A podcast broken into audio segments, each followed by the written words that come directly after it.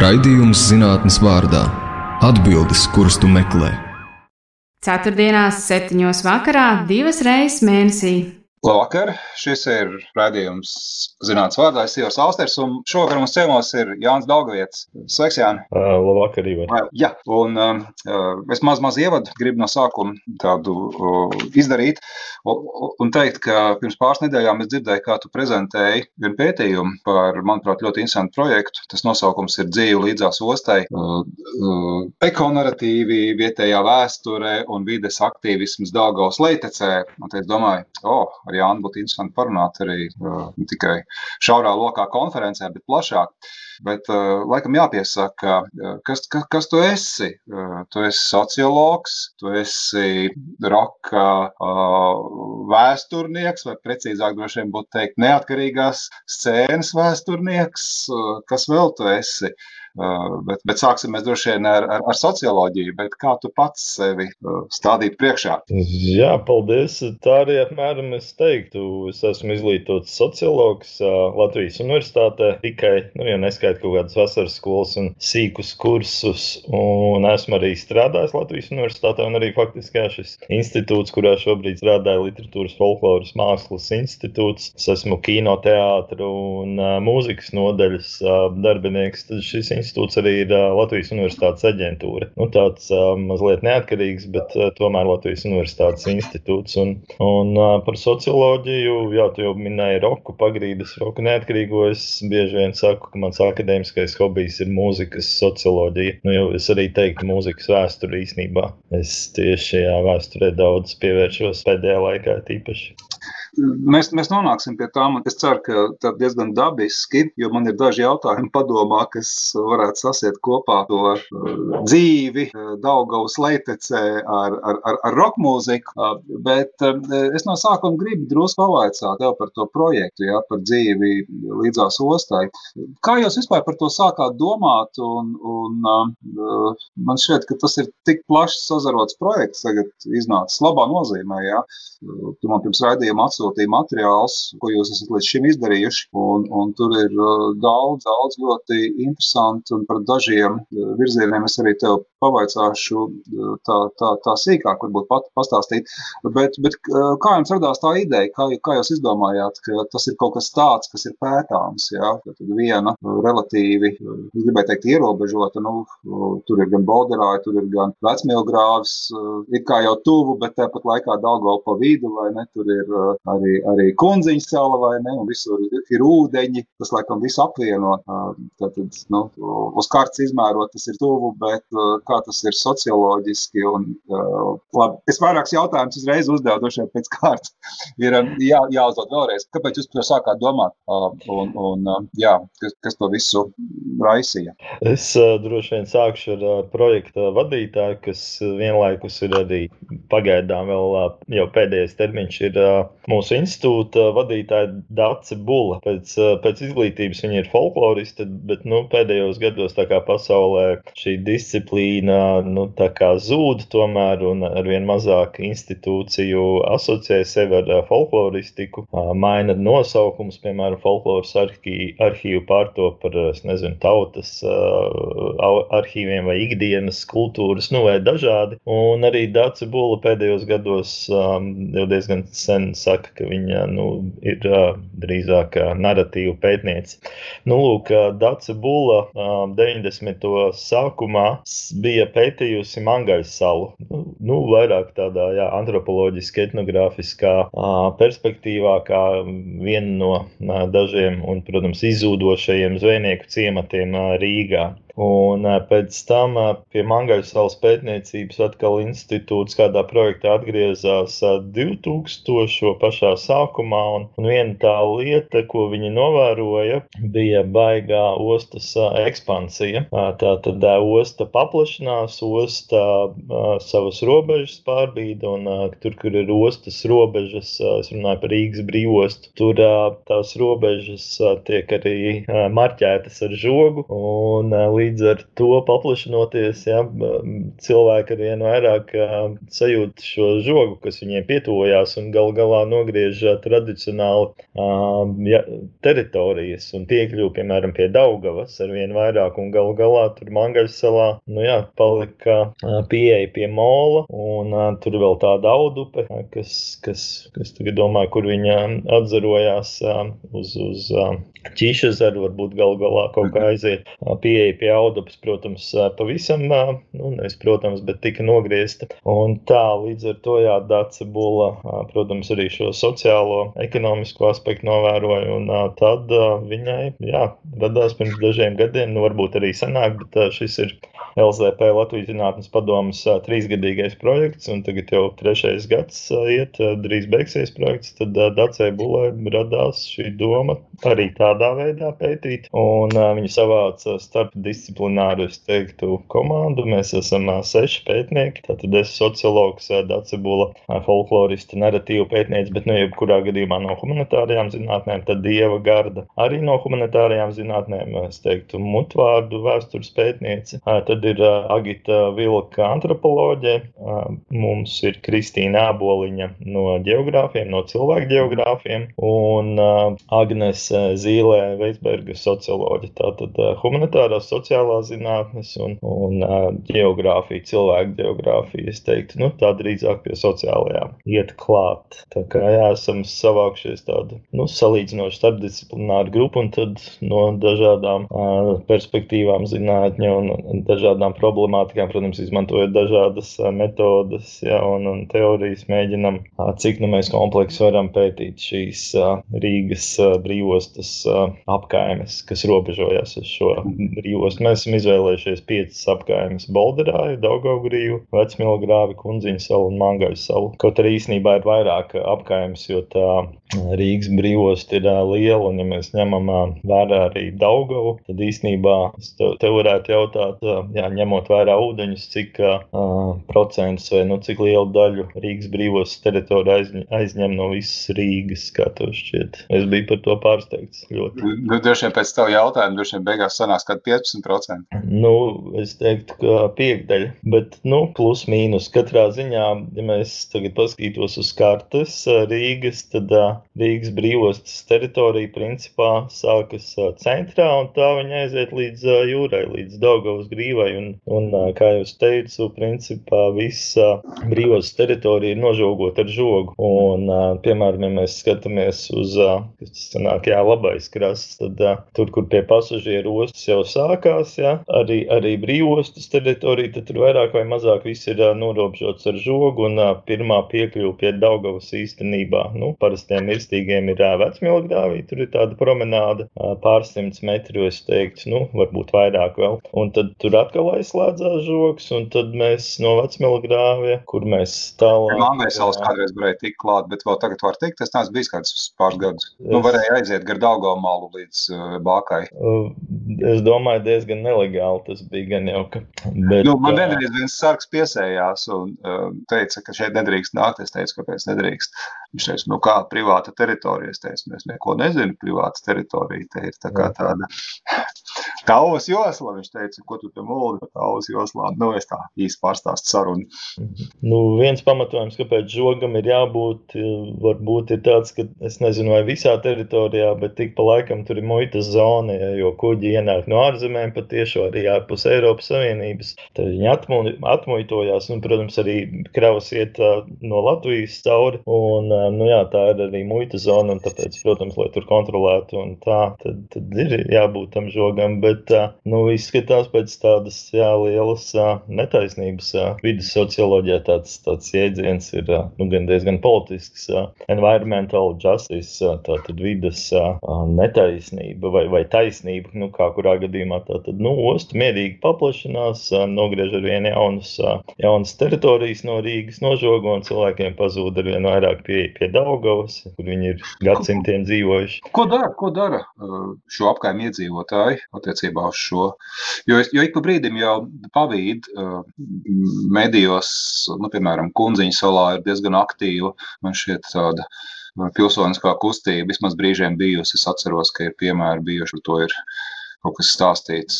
Bet kā, kā, kā izskatās šobrīd, ko, ko, ko ļaudis dara? Katrā apgājumā ir uh, mazliet savādāk, gan, gan vēsturiski, gan arī kas tagad notiek. Bet, jā, tu minēji Kundziņu salu. Kundziņu salu ir interesants gadījums.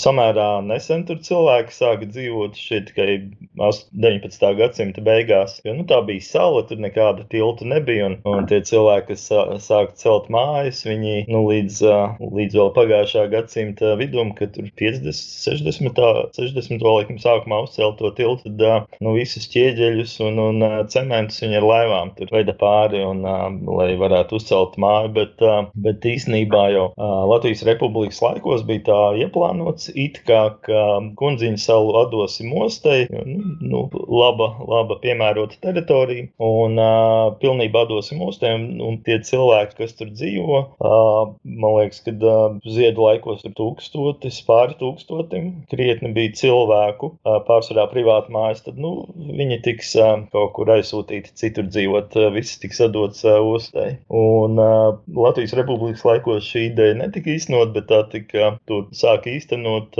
Padomjas Savienībā, Padomju Latvijā 70. gados, nu, varbūt jau 60. beigās, un tad tiešām tas plāns bija tāds, ka aizsūtīt prom visus iedzīvotājus, iedot daudz dzīvokļu kādos rajonos mājas, nu, kompensējot pļauniekus. No, jā, pļauniekos tieši es gribēju teikt, tajos gados droši vien, jā. No, no Daugavas, no, no Daugavas krasta uz, uz pļauniekiem. Jā, un uh, daudzi kundziņu salieši, protams, tam uh, nepiekrita, un uh, daži piekrita, bet uh, ir tāda filmā klasiska arī Latvijas kultūras kanonā Abols virs upes. Abols upē, Abols upē. Jā, Abols upē, jā. jā, un tur ir līdzīgs stāsts, bet par Zaķu salu. Un uh, tur, protams, parādīt, ka viņi diezgan uh, priecīgi, nu, vismaz viens otrs uh, aiziet dzīvot jaunajā mājās, daudz dzīvokļu mājās, blokmājās un tā, bet daļa no kundziņas saliešiem tam nepiekrita, un tad kaut kā viņi vilka, vilka, un daļa, daļa kundziņas salas iedzīvotāji palika. Bet tad jau mainījās režīms, ja mēs atguvām neatkarību, un kaut kad atkal aktualizējās šī doma, ka tomēr tos cilvēkus, kas tur ir palikuši, nu vajadzētu aizsūtīt prom. Un tad tas tie jau bija 90 desmito beigas, ja nemaldos, vai vidus, kad pacēlās šī ideja, bet atkal tur palika daži aktīvisti, kas teica, nē, mēs neiesim nā, prom, un tad viņi sāka cīnīties, gāja uz Rīgas domu, piketēt un dibināja biedrību un ņēmās ar tiesām un tā tālāk. Un īsnībā viņi panāca savu, un tagad, ja mēs paskatāmies kartē, kur ir iezīmēta Rīgas brīvos teritorija, tad tas uh, kundziņa salas ciemats, kur ir tās, nu, apmēram, nezinu, 100-150 mājas koncentrēts, tad tas tā kā anklāvs. Mm -hmm. Un apkārt ir pilnīgi žoks, jā, un jā, var redzēt lielos krājumus. Vai tam sanāk pat ostu vai ne, un pa vidu ir tās mājas. Es kādreiz esmu kāds, kāds divas reizes paklēņojis pa kundiņas vēl. Es pareizi atceros. Jā, var redzēt ah. visus krānus, dzirdēt un just vibrācijas un, un smakas. Un, Jā, jā. Bet, bet šitā ir arī, tu, tu, tu tagad sāc runāt par to, ko es gribēju tālāk prasīt. Viena no publikācijām, kas tev ir, šai ziņā ir par to, ka ir tā kā divas grupas ar traucēkļiem. Ja viena lieta ir, ko cilvēki var ļoti viegli pamanīt, Nu, tad ir uh, smakas, troksnis, putekļi, ja, tur ir žogi, ko tu jau minēji. Tur atnāk Rīgas brīvos un uzslēdz žogu vai ne. Uh, netiek pie upes vai klāt. Un tad ir kaut kāda neredzamā daļa, ko tā viegli nevar nemaz pamanīt. Jā. Gaiss varbūt var, var nesmirdēt, bet tur ir piesārņojums, ūdenī var būt piesārņojums, augsta var būt piesārņota.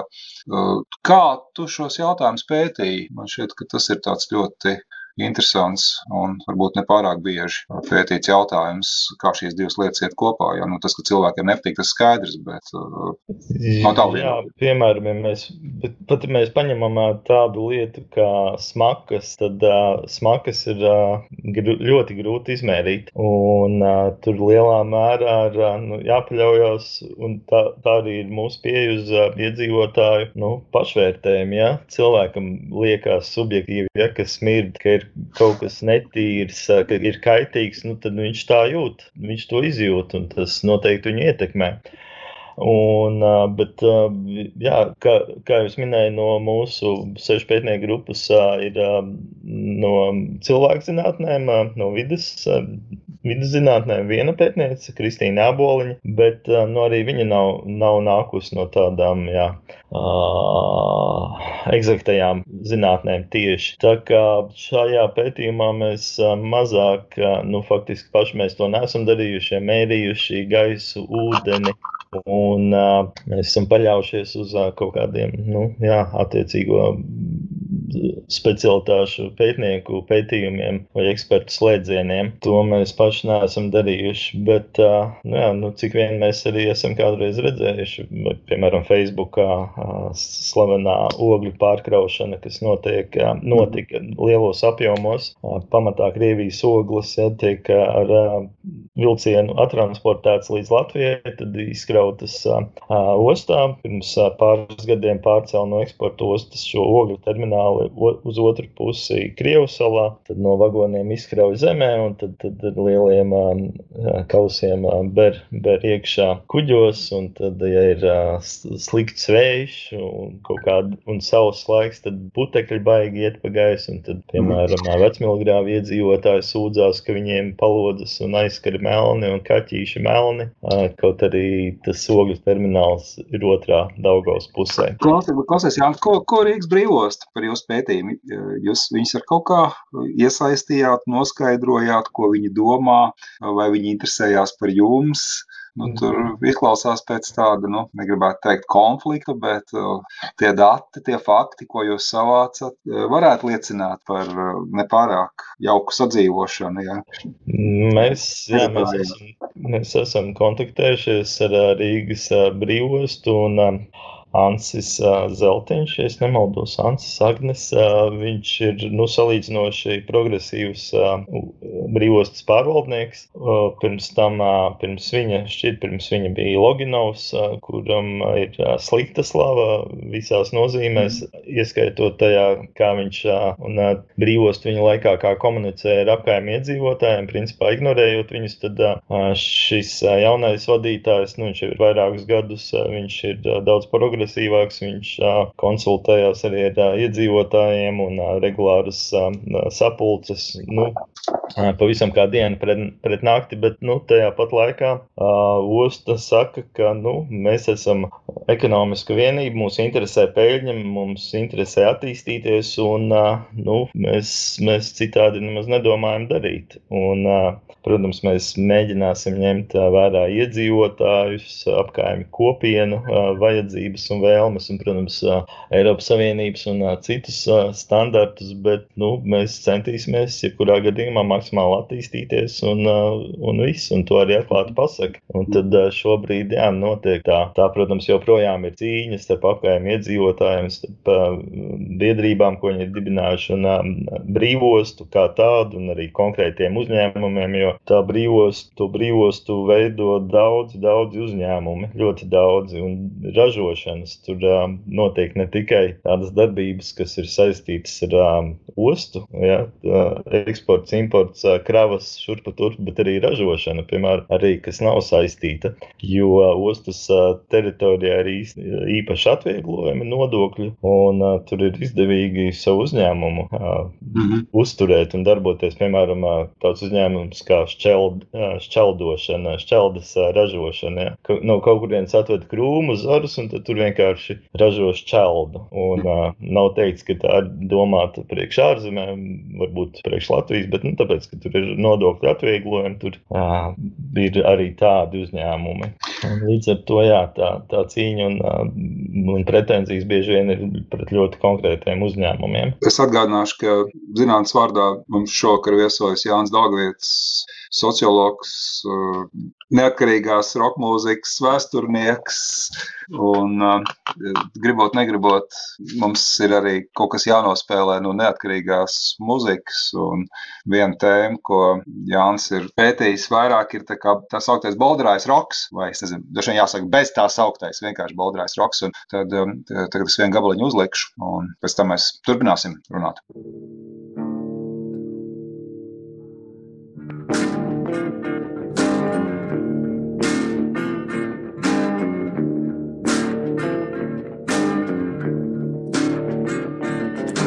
Глядя на тебя, мне трудно сказать. Похоже ты на леди или просто на блядь. На ангела с неба или дьявола в юбке.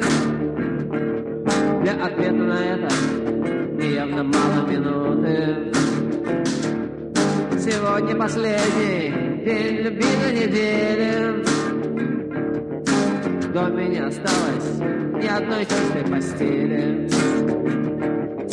В сердце твоем сейчас инвентаризация. Ты предпочтешь не меня, а мастурбацию.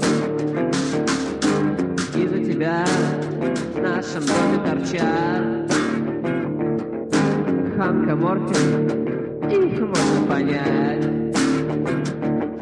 Веревку на шею или камень на грудь. Но никто не вправе тебя за это упрекнуть. Проходят месяца, недели, дни, для кого-то в них одна только ты, и мне будет жалко того дурака, который дурак, наверняка.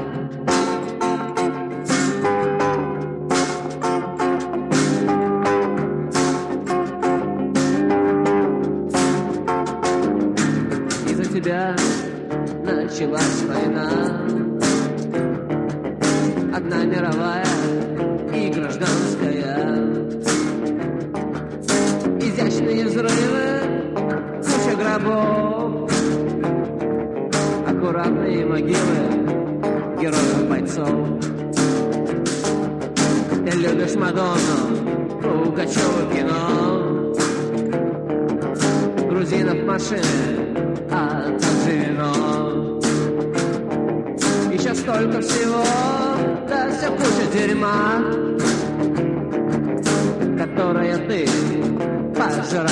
Одна.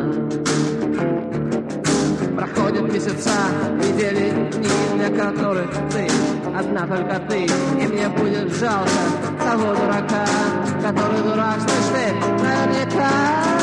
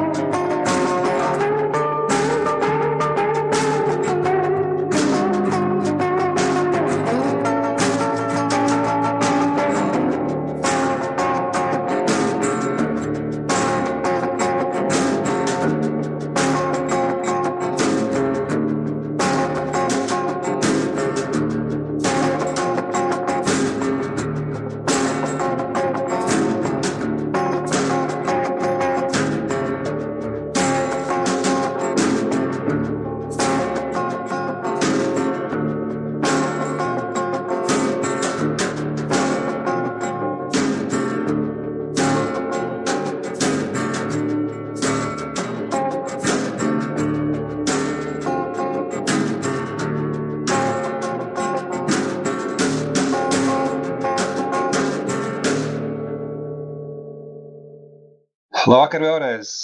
Šis ir raidījums uh, zinātnīs vārdā. Es esmu Ivars Austers un uh, pie mums viesojas Jānis Daugavietis šokar.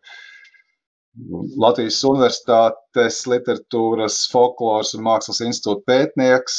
Mēs sākām runāt par projektu dzīve līdzās ostai, par to, kā cilvēki piecās Rīgas apkaimēs sadzīvo ar ostu, cik labi vai slikti vai varbūt dažreiz dīvaini tas izdodas vai neizdodas. Un es jau gribu paprasīt tev arī par, par tām pētniecības metodēm, ko parasti mēs ļoti daudz nerunājam tiešā veidā, bet tu esi izmantojis arī fotografijas šajā projektā. Tātad dzīve līdzās ostai un, un socioloģija, vai, vai, vai nu, plašākā nozīmē narratīva analīze, sapratne, kā es sapratu no tevis, ko jūs tajā projektā darat. Fotogrāfijas. Kā var sociologs izmantot šo paņēmienu zinātnē? Jā, fotografiju analīze viena no metodēm un nu, diezgan margināla. Nu, nav, nav no nozīmīgākajām, ko mēs izmantojām šajā pētījumā, bet uh, Tur, tur ir vairāk aspektu. Viens ir tāds, ka mēs, ejot, intervējot cilvēkus, intervējot biedrību aktīvistus, ja, arī kā grupveida intervijas veicot, mēs arī pie viena pastaigājāmies pa šīm apkaimēm un mūs izvadīja vietējiem iedzīvotāji. Protams, mēs vienmēr fotografējām paši. Uh, Otrkārt, mēs arī mēģinām ievākt no tiem cilvēkiem, kas ir fotografējuši savu apkaimi, uh, gadiem uh, ievākt viņu fotografijas un arhivēt. Piemēram, mēs gan šo kolekciju neesam ieguvuši, bet mēs zinām, ka, ka tāds cilvēks bija joprojām iespējams ir, kurš uh, fotografēja katru kuģi, kurš ienāk Daugaugrīvā no Daugavgrības. Tā kā, tā kā, tā kā vilcienu vakte, ja tā būtu kuģu vakte. Ja. Jā, nu, cilvēkam tāds hobijs aizraušanās, un es domāju, ka viņam ir liela kolekcija. Un, bet runājot jau par specifisku jau fotografiju analīzi, es tieši šobrīd pabeigšu, jā, finišēju vienu rakstu, kurā es uh, analizēju divu uh, Facebook uh, grupu uh, fotografijas. Uh, Vecmilgrāvim ir uh, liela un aktīva Facebook uh, grupa vecmilgrāvu iedzīvotājiem, un tikpat liela un tikpat aktīva uh, grupa ir Bolderājai un Daugaugrīvai. Ja, kopā abām apkaimēm viena Facebook grupa, un ko es darīju, es paņēmu um, fotogrāfijas no šīm apkaimēm, nu, protams, noteikti perioda uh, iekačāju un tad uh, nokodēju pēc uh, nu, kādas, kādas no es kodus biju izdomājis, un tad uh, kvantitatīvi vienkārši salīdzināju. Un kādus kodus tu biji izdomājis? Tas ir itīgi interesanti šajā gadījumā. Ka... Viena, viena hipotēze, ko es izvirzīju, nu, sekojot jau, jau, vair, jau trīs gadus faktiski šīm Facebook grupām, ka ir redzams, ka Vecmilgrāvu iedzīvotāju Facebook grupā ļoti bieži parādās vecāki, Mangaļsala un vēl viena otra apkaime. Kamēr Bolderājas Daugavgrības grupā nu, ļoti maz parādās fotografijas no citām apkaimēm. Un, nu, tas skaidrojums vienkārši, jo Vecmilgrāvas teritoriāli ir diezgan mazs. Pārsvarā tā ir tikai osta, nu, piedāvām norobežot. Tad ir tā nelielā promenāde pie Daugavas atvērtā. Un pārējā teritorija praktiski ir tikai blokmājas. Nu, ir arī, arī privātās mājas nedaudz. Ja? Tur ir nedaudz maziņš tāds stūrītis no prieža meža, bet uh, viss. Un, un, un slavenais kultūras nams. Jā, protams. Jā. Kultūras pils. Bet, kad vecmilgrāvieši grib doties dabā, nu, gribot, negribot, viņiem tas ir jādara citā apkaimē. Piemēram, meža parks jau vai jūrā vecākos, jo no dzelzceļa stācijas ziemeļblāzma dažas pieturas, un tu esi jau līdz vecākiem, uh, līdz jūrai, vai arī kaut kā ar kājām, vai ar transportu līdz Mangaias saliem, tad uh, līdz Molam to aizēja, vai līdz uh, Mangaias salas jūrai. Uh, kamēr uh, Bolderāja Daugaugrīva, tur, turpat ir uh, jūra, tur ir pļavas, tur ir uh, mežiņi, ja? Un tā tad šādā veidā es nogadēju šīs bildes, ja, nu, piemēram, kaut kas tāds, vai bildē redzam konkrēti apkaimi vai cita apkaimi, un tad salīdzināju. Un tas arī diezgan skaidri arī kvantitatīvi pierādījās un apstiprinājās, ka jā, bolderājieši, daugaugrīvieši paliek un izklaidējās un atpūšās savās apkaimēs, kamēr vecmilgrāvieši ļoti liela daļa dodas kaut kur citur. Tāds ļoti vienkāršs, primitīvs piemērs, un arī tas bija acīm redzams bez kādas kvantitatīvās analīzes, bet, nu, procentu sarēķinot un kādu hī kvadrātu vai, vai citu aprēķinot, tas pierādās un mums jau ir cieti dati. Tāpat, protams, varētu arī daudz ko citu pētīt, piemēram, kaķīšus. Ja? Diezgan daudz redzams, ka šajās bildēs ir kaķīši. Un uh, gan smukie kaķīši, mājas, gan arī pamestie. Un uh, arī to varētu salīdzināt. Tas ir šajās Facebook grupās, jā? Jā, jā tajās pašās bildēs. Un ļoti daudz kodus varētu izdomāt un kategorijas jau bildēs jau ir. Bet kā ir, kā ir teiksim, ar to, to ziņu, ko šajās fotografijās vēlas paust. Ja.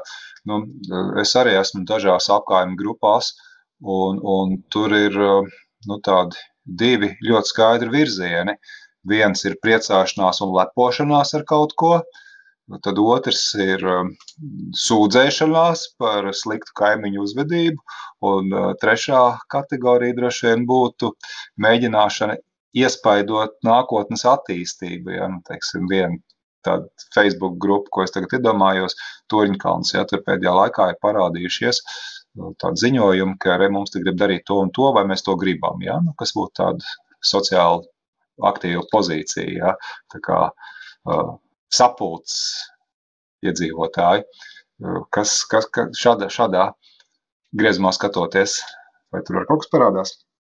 Noteikti. Tas ir, tas ir tipiski arī Bolderājas un Vecmilgrāvja Facebook grupās. Un, cik es esmu lasījis arī kādas akadēmiskās publikācijas runājot par šo aktīvismu, aktivizēšanos iedzīvotāju, mēģināšanu sadarboties Facebookā vai citās grupās, WhatsApp grupās, un pēc tam pēc tam arī realitātē īstenot kaut kādas akcijas vai, vai, vai darbību, lai aizsargātu savas tiesības vai, vai uh, mēģinātu kaut kā ietekmēt nākotni. Tas, jā, tas notiek un uh, Facebook ir uh, laba, laba platforma, jo es arī mēģināju salīdzināt, uh, cik ir uh, īstenībā iedzīvotāju šajās apkaimēs un cik ir uh, Facebook. Uh, šo grupu lietotāju. Tas skaits varbūt man pat pārsteidz.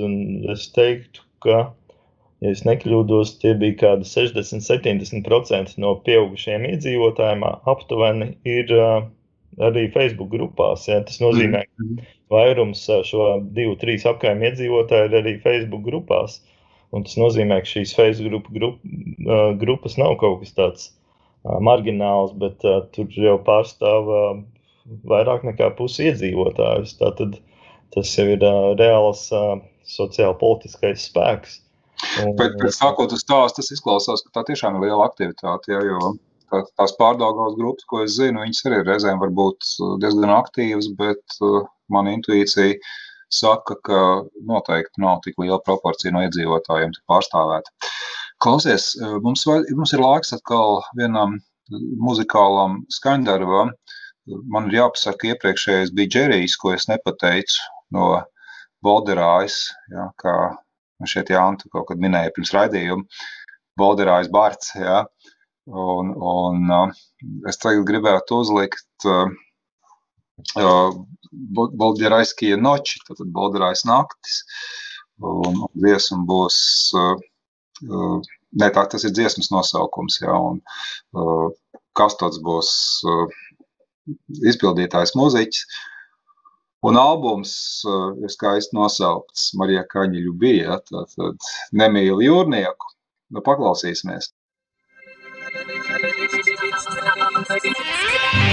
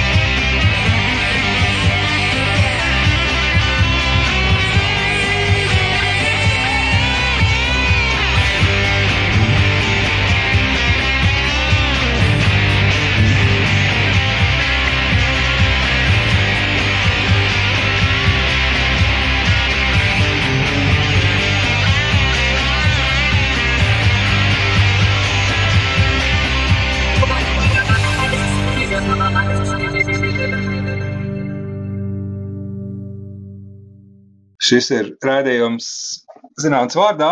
Pie mums ciemos ir Jānis Daugavietis, sociologs un neatkarīgās roka mūzikas vēsturnieks. Mēs no sākuma runājām par Latviju, par Daugavas leiteces uh, iedzīvotāju dzīvi, sociālām aktivitātēm, attiecībām ar ostu, Daugavu, citām apkaimēm. Un, um, protams, ka šādā situācijā visai loģiski ir spēlēt bolderājas roku. Un, um, tas bija arī tas, ko Jānis pirms raidījuma piedāvāja, teica, ka vajadzētu uzspēlēt. Tad man Jānis jautājums, vai bolderājas roks būtu varējis rasties, piemēram, vecmilgrāvī, nu, tas tā nosacīt Daugavas otrā pusē pāri. Mm, vecmilgrāvī būtu varējis rasties vecmilgrāvi roks, bet, ja es tā padomāju, un es tevi arī aicinu un klausītājs padomāt, vai mums ir kāds cits līdzīgs apzīmējums, kur mēs sakam, nu nevis kuldīgas pankroks vai valmieras hardcore vai kaut kas, bet ņemam pilsētas daļas, pilsētas apkaimes nosaukumu, kā šajā gadījumā sakām, Bolderājas rokas. Labi, mums ir kreisā krasta, hip hop kustība vairāk vai mazāk, bet es nezinu, es citu neko nevaru iedomāties. Jā, e, e, es domāju, saturiski tādā nozīmē, e, kā, kā estētiska kategorija, jā? vai, vai, vai tāda veida muzika varēja rasties vecmilgrāvī? Es domāju, ka nē, jo tas arī, man liekas, bija jūta, jūtams no šīm divām dziesmām, ka tur ir diezgan uh, spēcīga šī romantiskā stīga, un es jau iepriekš aprakstīju, kāds ir vecmilgrās. Principā tās ir blokmājas un, protams, veikala aptiekas un kaut kas vēl osta nožogot. Tā nelielā promenāda un viss, bet Bolderā un Daugaugrīva. Tur ir gan mols, tur ir jūra, tur ir pļavas, tur ir mežiņš, tur ir buļļupe, jā, tur atkal ir savas peldvietas, makšķervietas un, un mīlestības saliņa gala galā, jā, starp Bolderā un Daugaugrīvu cietoks troksnis, un tā vieta ir ļoti arī romantiska un skaista, un dažādās nozīmēs, gan industriāli skaista, gan arī tur daba ir skaista. Tā kā tas arī ir šajās dziesmās jūtams, un runājot par Bolderāju Daugaugrīvu, tas ir tāds specifisks Rīgas rajons, ir īpaši Daugaugrīva, un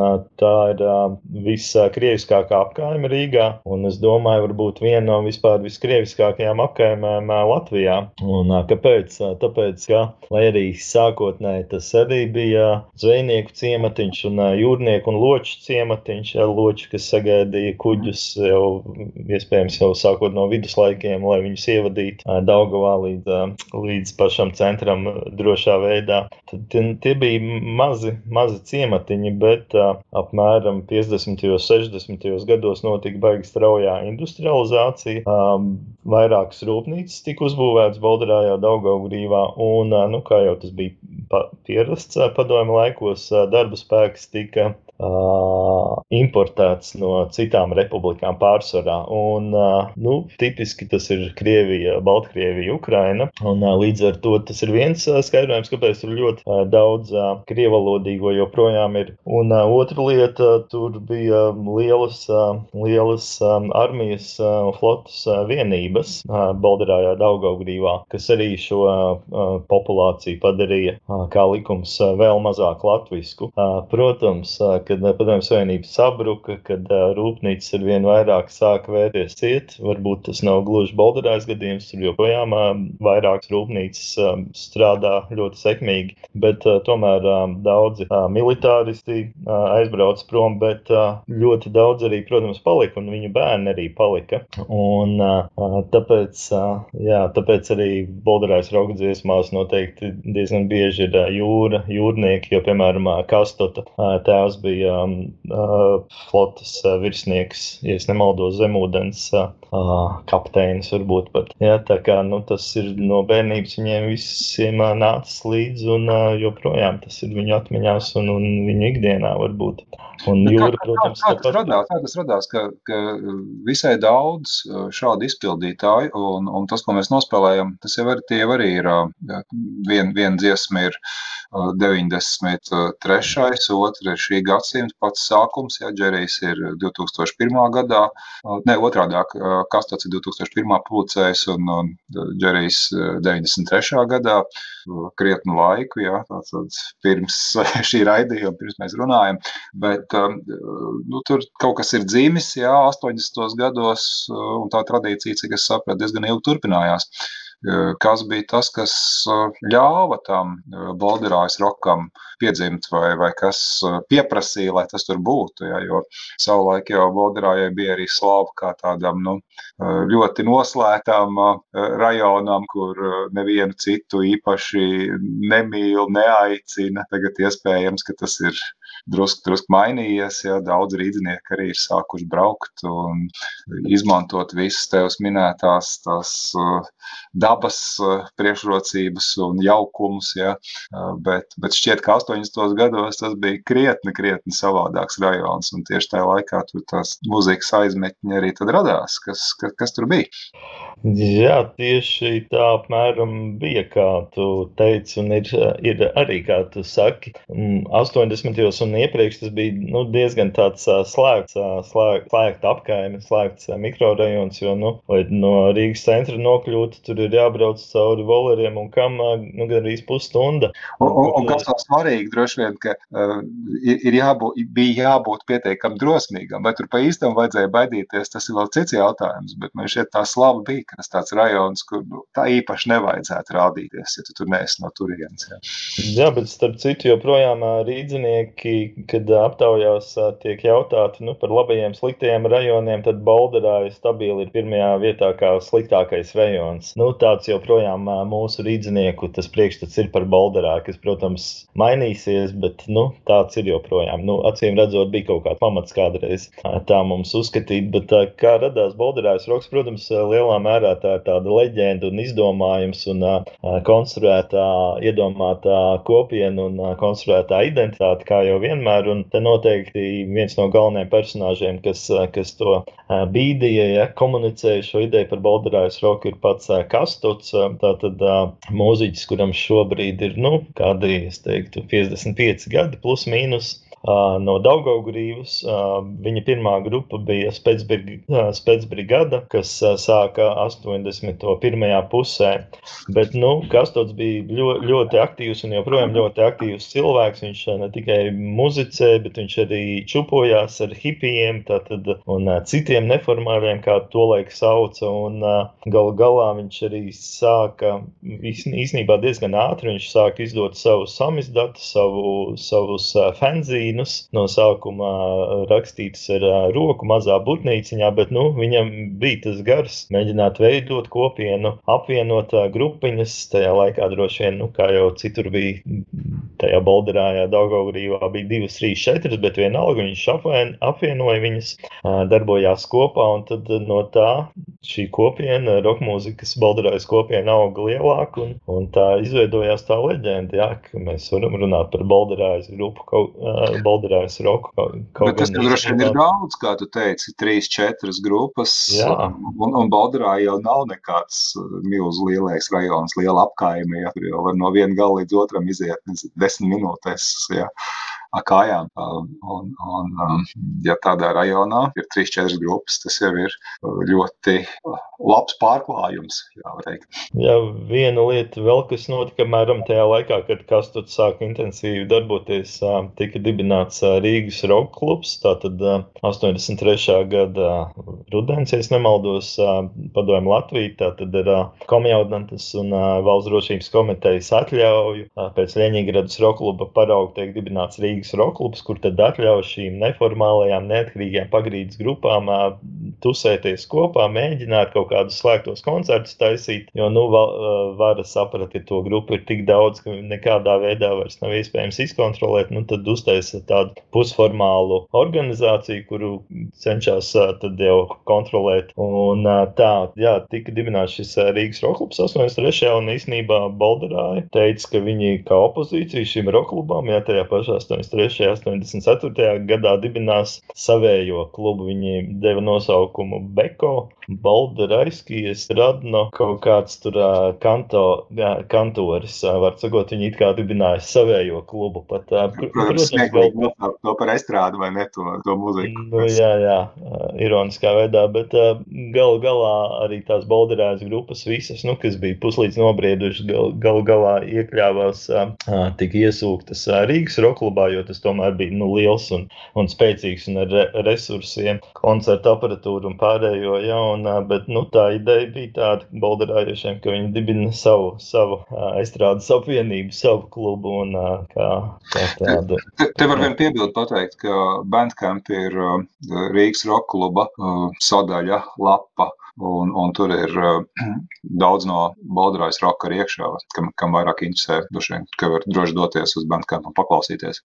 Uh, klausies, Jāni, es, es par tiem uh, zīmiem gribēju vairāk vēl pavaicāt. Uh, cik es sapratu no tevis, uh, tam ir milzīga nozīme bijusi uh, tajā Baldarājas uh, scēnas attīstībā. Vai tu par to vari kaut ko pastāstīt vēl?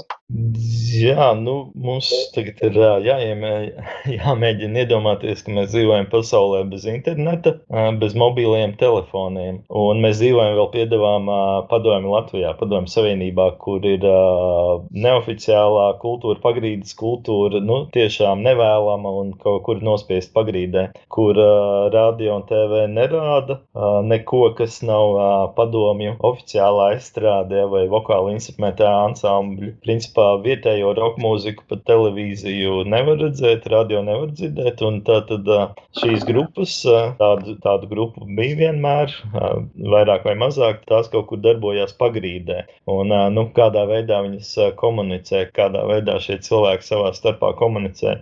Protams, viņi var sazvanīties, ja pa vecajiem vārdu telefoniem un, un satikties, ja hipiji gadu gaitā, gadu, desmit gadu gaitā izveidoja tādu sistēmu, ja, ka tur 1. maijā tiekās Viņā, pieņemsim, tad pēc dažām dienām Rīgā un Tallinā, un tad kaut kur citur, nu tādi jau maršruti komunikācijas, bet uh, cits veids, uh, kas uh, parādījās, ir uh, arī mūzikā ir samizdots, ja, pagrīdes izdevumi, fanzīni, kā rietumos sauc, ja latviskojot saīsnot zīni, un uh, tas bija tāds ļoti būtisks, jā, komunikācijas kanāls, un uh, kas savienoja Bolderāju ne tikai ar Rīgu, bet Bolderāju ar citiem lielajiem padomju pagrīdes roka mūzikas centriem, jo tos izdevumus jau varēja sūtīt pa pastu, ja, aizvest uz Ļeņingradu un no Ļeņingradas dabūt Ļeņingradas samizdatu, un tas bija, nu, viens no spēcīgiem komunikācijas kanāliem. Kā, kā, kā to pavairoja? Tas, tas, tas ir interesants jautājums, jo tas nav gluži tā kā tagad, vai ne, ka, ja tu gribi papīrā, tad vai nu, vai nu izdrukā vai aiznes, lai tev satais kserokopijas. Jā, tas bija problemātiski. Nu, pirmā lieta, Staļina laikā samizdāts īsti nebija. Nu, roka mūzikas arī nebija. Staļins visu stingri nokontrolēja un aizliedza un cietumā iemeta nošāva, kas ar kaut ko tādu nodarbojās. Bet vēlāk, 60. un 70. tas ar vien vairāk attīstās un arī, arī pagrīdas mūzikā. 70. beigās pirmie izdevumi lielajās pilsētās Ļeņingradā un Latvijā tas jā, kaut kad 80.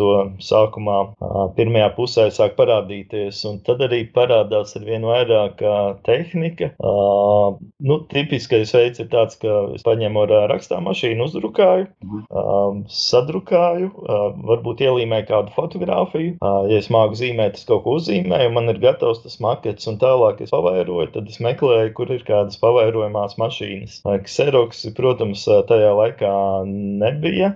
Nes nestāvēja. Jebkurā es atceros, bija tādas mašīnas, viņas sauc par ērām, kas tādas uh, sarkanī grauzā tos, tos novilkums taisīja 80. gadu otrā pusē. Jā, bet uh, pirmajā pusē, un pat vēl 70. bija jau saucamie kaut kādi padomi, kseroksi vai rotoprints vai kaut kādi vēl fotokopējumās mašīnas, bet uh, tās visas mašīnas bija, protams, kontrolētas, atradās konkrētās iestādēs, un tur uh, nu, tik vienkārši klāt nevarēja tikt, vai ne? Kur nu vēl pavairot kaut kādu pagrīdes presi. Bet nu, kaut kādā veidā cilvēki to mēģināja darīt, un dažos gadījumos izdevās. Un tad, piemēram, manā mamma strādā kādā rūpnīcā, kur ir tas rotaprints. Ja? drausmīgas kvalitātes uh, padomju kseroks, uh, un tad kaut kā pa nakti vai kā es uh, varbūt uh, iedodu mammai vai pats aizēju kādus 10 vai 20 eksemplāru, eksemplārus uzkopēju. Nu, tā darbojās, bet uh, cits veids, daudz izplatītāks bija, ka, un, un tas vēl notika līdz 90. Nu, sākumam, kad jau, kad jau parādījās arī kseroks, kad vienkārši uh, meitenes vai puiši uz rakstām mašīnām uh, pārdrukāja. Protams, tur fotografijas vairs nebija iespējams, un tu saņēmi uh, izdevumu, ja žurnālu, fanzīnu zīnu, kā vienkārši teksta, teksta lapas uh, pārdrukāt. Vēl, vēl, jau varēja arī ar, ar rakstām mašīnu uztaisīt attēlus, vai ne, kas bija īpašs mākslas žanrs. Jā, un tā tehnika bija tāda, ka ar kopapīra palīdzību mēģināja maksimāli daudz vienā reizē uzdrukāt šīs lapas. Es esmu dzirdējis, līdz deviņām, desmit lapām mēģināja vienā reizē uzkopēt. Protams, tad tie papīra, papīra lapas bija no visplānākā papīra, nu, lai var izsisties cauri šis, mm -hmm. tie burti. Un, bet, nu, var iedomāties, kāda ir 6, 7, 8, 9 kopija. Ļoti izplūdus, un tur jau liels grūtības bija izlasīt, kas tur ir rakstīts. Bet nu, tā notika līdz 90. sākumam. Uh, kaut kur ir arī tas redzams, teiksim, Nacionālā bibliotekā vai, vai skanētā versijā internetā. Jo es pieņemu, ka noteikti ir klausītāji, kas varētu par šo sākt interesēties. Jo, nu, droši vien, ka nebija tā, ka vienu kopiju atdeva, kā to laik bija Viļa Lāča bibliotekai. Jā. Īstenībā jau atmodas laikos viens otrs vietējais Latvijas pagrīdes izdevumu veidotājs to darīja. Es zinu, ka Latvijas Nacionālajā bibliotekā ir kādi 3, 4, 5 tieši Latvijas, Latvijas PSR pagrīdes mūzikas izdevumi. Un, bet internetā, nu, ja jūs ierakstīsiet samizdat ja, vai, vai sovietu fanzains, noteikti uzreiz atradīsies daudz kas. Un ir, ir arī, ir īpaši Krievijas blogosfērā fani, kas veido, veido lapas grupas kontakts, ja, piemēram, ir liela grupa, kur, kur skanē iekšā visus vecos izdevumus un liek, un, un kas ir pieejami PDF formā, formātā parasti. Tā kā nu, mūsdienās jā, ļoti daudz kas digitalizēts un, un viegli atrodams. Ar Latvijas izdevumiem ir grūtāk, un nu, jā, tas ir viens, viens no maniem akadēmiskā hobija uzdevumiem, ko es noteikti attīstīšu nākotnē. Tātad vācot, digitalizējot un arī nododot Nacionālajai bibliotekai mūžīgai glabāšanai šos Latvijas pagrīdes mūzikas izdevumus, ieskaitot Balderājas roka pagrīdes izdevumus. Mums jau ir raidījumi, laiks iet uz beigām. Tas droši vien būtu interesanti tēma atsevišķam raidījumam. Varbūt, ka mēs pēc kāda gada varam par šo parunāt, par zīmēm, tad būs vairāk savāds un varbūt arī vairāk uzrakstījis par to, vairāk apkopojis. Es atgādināšu, ka Jānis Dalgavietis, Latvijas Universitātes Literatūras, Folkloras un Mākslas institūta pētnieks, ciemojās raidījumā Zinātnes vārdā. Es esmu Ivars Austers, un es teikšu jums paldies par klausīšanos, un Jāni, tev paldies par piedalīšanos. Un tad uz sadzirdēšanos uh, citā redzējumā pēc divām nedēļām.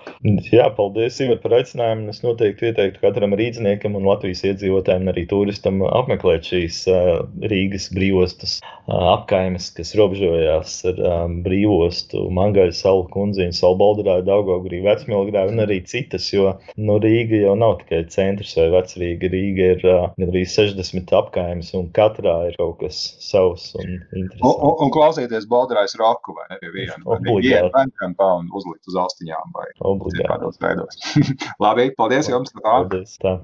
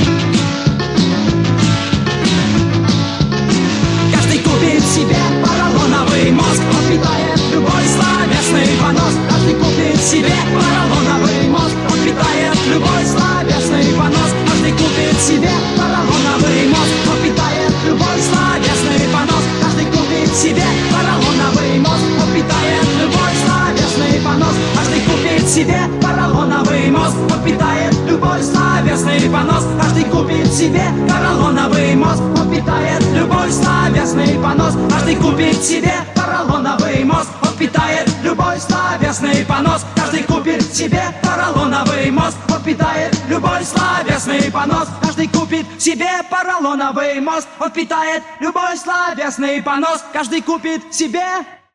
Raidījums zinātnes vārdā - atbildes, kuras tu meklē. Ceturtdienās, septiņos vakarā, divas reizes mēnesī.